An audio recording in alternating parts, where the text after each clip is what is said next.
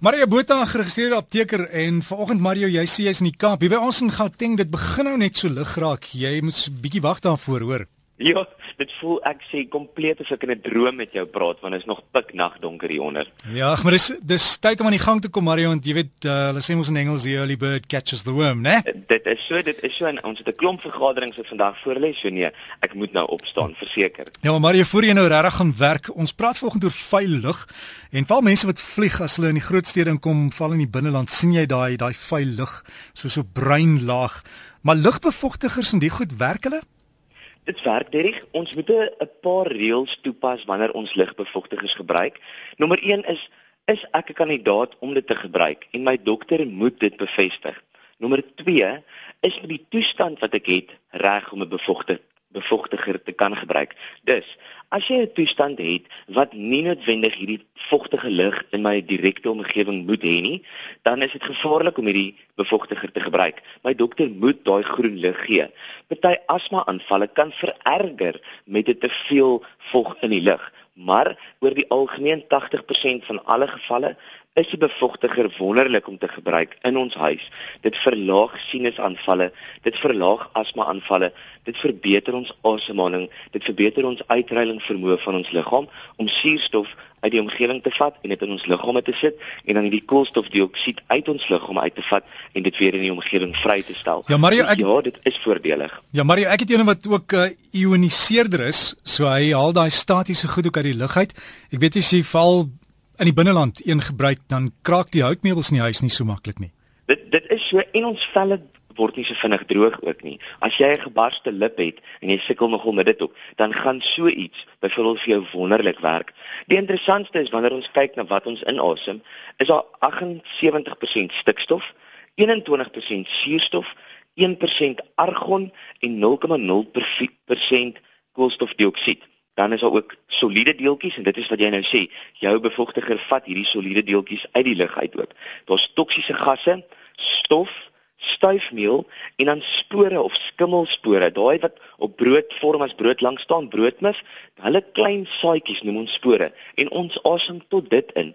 So hierdie bevochtigers bind baie van hierdie dinge en dit maak dit swaarder, so dit daal af na die grond toe en ons kan dit nie dan baie goed inasem nie. En dit is hoekom dit voordelig is.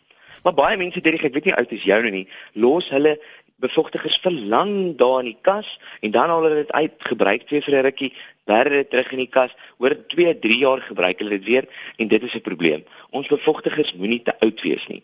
Ek glo 'n bevochtiger moet se elke 5 jaar vervang word.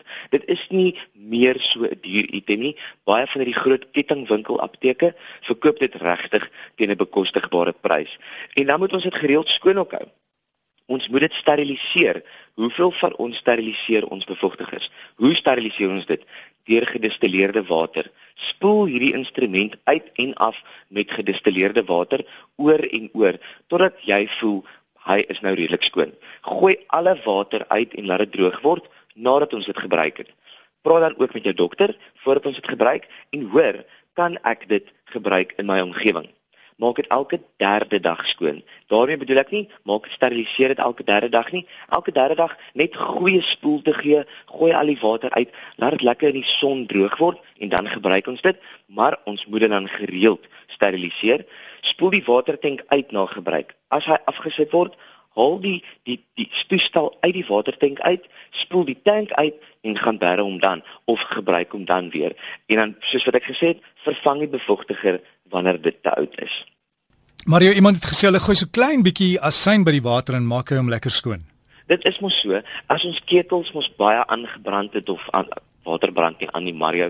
As die ketel daai wit laag, daai kalk laag vorm, dan gooi ons mos asyn by kook hom en dan kom dit lekker skoon dieselfde beginsel met die bevochtiger. So jy kan dit doen. So teelepeltjie of so asyn is wonderlik. Kyk dit dat jy nie sensitief is daarvoor dat die asyn nie te sterk is nie, want dit kan hierdie kuggie veroorsaak en dan dink jy skoon jy het asma maar jy het glad nie. Dis net die asyn in die lug. So maar Maria mens kry ook die ene wat koue stoom maak, die ene wat warm stoom maak. Jy moet maar net jy weet as die ene is wat warm is, wees versigtig met die kinders dat hulle nie brand nie. Maar jy ja. kan inligting kry by jou apteker. Jy kan verseker op daardie punt net gou vinnig koue bevochtigers in my opinie is beter as warm bevochtigers. Warm bevochtigers met hierdie warm nat lug in die huis kan dit bakteriese groei bevorder. Waar die koue bevochtigers met die koue lug in die huis bevorder 'n mindere groei van bakterieë. So in my opinie is die koue bevochtiger die beter opsie om te gebruik. Nou gaan almal sê ja, maar hoe maak jy koue stoom? Ek dink hulle gebruik 'n klankgolf.